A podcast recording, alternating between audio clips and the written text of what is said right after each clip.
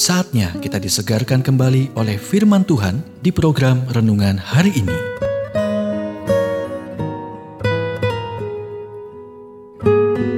Renungan hari ini berjudul Tahun ini berpikirlah dapat terjadi. Bagian yang kedua. Nats firman Tuhan diambil dari Ibrani 11 ayat 6. Tetapi tanpa iman tidak mungkin orang berkenan kepada Allah. Alkitab mengatakan, "Tetapi tanpa iman tidak mungkin orang berkenan kepada Allah, sebab barang siapa berpaling kepada Allah, ia harus percaya bahwa Allah ada dan bahwa Allah memberi upah kepada orang yang sungguh-sungguh mencari Dia." Ibrani 11 ayat 6. Inilah sesuatu yang tidak bisa dilakukan Tuhan. Disenangkan tanpa iman. 12 mata-mata memasuki tanah perjanjian. Tetapi hanya dua yang kembali dan berkata, kita pasti akan mengalahkannya. Bilangan 13 ayat 30. Tuhan telah menjanjikannya kepada mereka tetapi mayoritas orang berpikir itu tidak dapat dilakukan.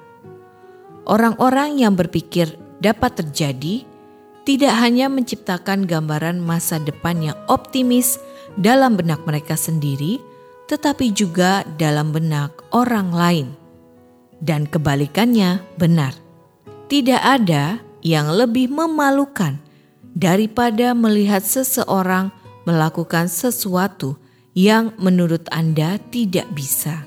Jadi, percaya bahwa Anda bisa, tidak menjamin Anda bisa, tapi percaya Anda tidak bisa, menjamin Anda tidak bisa. Jadi, bagaimana pendekatan Anda terhadap kehidupan? Ketika Anda menghadapi hal yang tidak diketahui, yang dibatalkan, atau yang belum dicoba, apakah Anda selalu berpikir bahwa pada semua hal yang bisa salah atau semua hal yang bisa berjalan dengan benar? Insinyur ruang angkasa Werner van Braun berkata, "Saya telah belajar menggunakan kata tidak mungkin dengan sangat hati-hati. Dia adalah ilmuwan yang memungkinkan manusia pertama berjalan di bulan."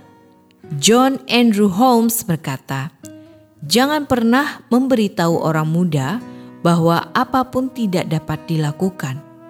Tuhan mungkin telah menunggu berabad-abad untuk seseorang yang cukup bodoh tentang kemustahilan untuk melakukan hal itu. Jika Anda ingin mencapai sesuatu, izinkan diri Anda untuk percaya bahwa itu mungkin, dan untuk sukses, percayalah pada Tuhan.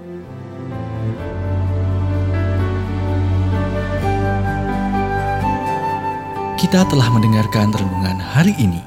Kiranya renungan hari ini terus mengarahkan kita mendekat kepada Sang Juru Selamat, serta menjadikan kita bertumbuh dan berakar di dalam Kristus. Renungan hari ini tersedia dalam bentuk buku maupun digital dan bisa Anda miliki dengan menghubungi Japri di WhatsApp 0812 8784 7210 atau email ke infoapripusat@gmail.com. Tuhan memberkati.